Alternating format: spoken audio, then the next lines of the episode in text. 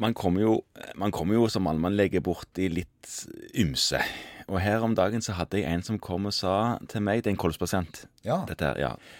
Han lurte på om det var mulig for han å få en sånn oksygenapparat, sånn oksygenkolbeapparat, greie. som Ja, det kunne- er jo sånne som genererer oksygen fra frisk luft. Nettopp. For det ville han ha når han skulle ut og fly, fordi at eh, han følte at han trengte litt mer enn han klarte å få i kabinluften. Ja. ja, det er ganske vanlig, egentlig. Ja, For det der oppe er det jo ganske høyt. ja. så man- 3000 meter. så er man på noe sånn som det. Ja.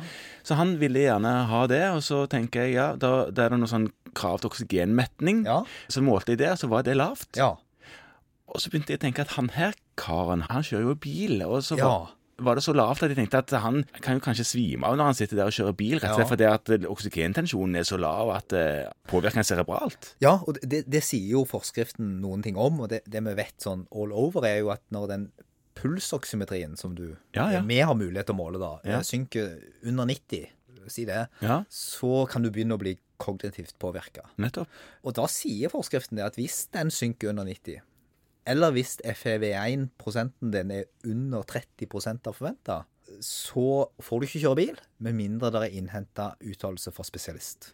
Sånn at da må du henvise pasienten til lungespesialist for å se om de fyller kravene til å kjøre bil. Sier du det? Ja, og det, det bør du vurdere hvis de har eh, alvorlig kols. Mm. Mm. Eller hvis de har en annen lungesykdom som du tenker kan gi de respirasjonssvikt. Eller hvis de på en måte har en eller annen muskelsykdom. Det kan også skje, ikke sant. Altså, en del av disse muskelsykdommene gjør jo at du ikke kan kjøre bil av litt andre årsaker. Så Ja. at det er kanskje ikke så relevant, men det er nå så. Det du egentlig skal gjøre da, er at du skal gjøre en blodgass.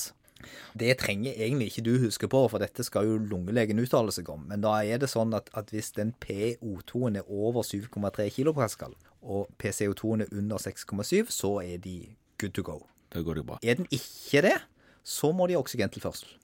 Hvis de da oppnår gode blodgasser med å få oksygen på et neskateter, så kan de få lov til å kjøre bil, under forutsetning av at de ikke har oksygen i bilen.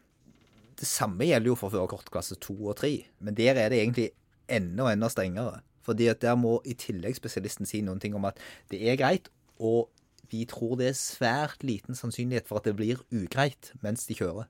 Ja. For disse testene er jo ikke gjort kjørende. Nei.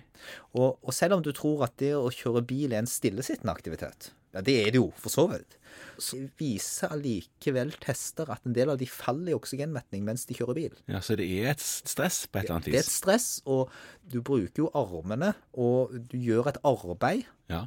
Og bare det å gjøre det arbeidet kan for enkelte marginale pasienter gjøre at de vipper akkurat under grensen. Ikke sant. Men vi har sagt at for vanlig bil så er det for alle praktiske formål greit hvis vi ligger innenfor disse grensene, men hvis du skal kjøre litt tyngre bil, så må vi være ekstra sikre på at dette går helt bra. Og hvis det på en måte allikevel er tvil, så går det an å gjøre en kjørevurdering, der man måler dette under. Da må det jo være sånn type yrkessjåfører eller andre der det er ekstremt viktig å få avklart dette. Og veldig viktig at de faktisk får beholdt Ja, eh, førerkort. førerkortet ditt. Ja.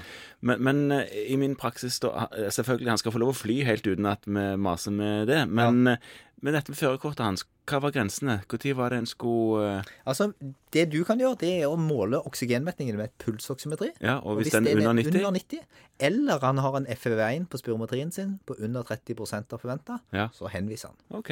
Ja, men da har vi det.